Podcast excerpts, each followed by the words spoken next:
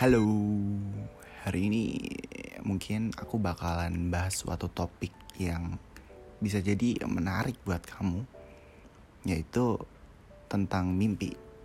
Tapi bukan mimpi yang di kasur lalu mendengkur ya. jadi pasti kamu tahu ya, banyak orang yang menaruh impian dan ingin menggapainya. Atau mungkin kamu adalah orangnya. Sebagai manusia, sudah sewajarnya mempunyai mimpi besar dan tentu ingin mewujudkannya.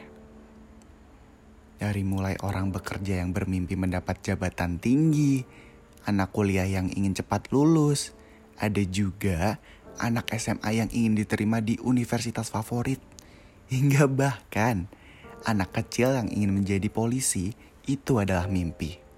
Mimpi memang mudah untuk diciptakan, bukan? Tapi mimpi juga sulit untuk ditaklukkan. Kamu yang pernah memimpikan sesuatu pasti pernah merasakan betapa banyaknya rintangan yang disuguhkan. Tapi itu semua tak membuatmu menyerah.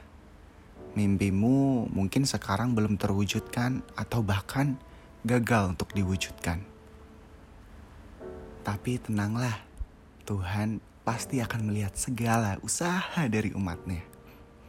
Misalkan, kamu yang bermimpi ingin menjadi seorang dokter, tapi takdir memilihkanmu untuk gagal.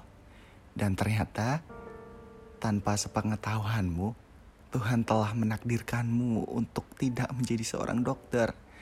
Namun kamu mempunyai rumah sakit yang berisikan dokter-dokter hebat yang tentunya akan sangat berguna bagi semua orang. Iya, memang benar. Pada akhirnya, usahamu lah yang membesarkanmu, bukan hanya dari mimpimu. Karena dari usaha dan jerih payahmu, kamu bisa menaklukkan apa yang sudah kamu impikan. Percayalah kepada dirimu.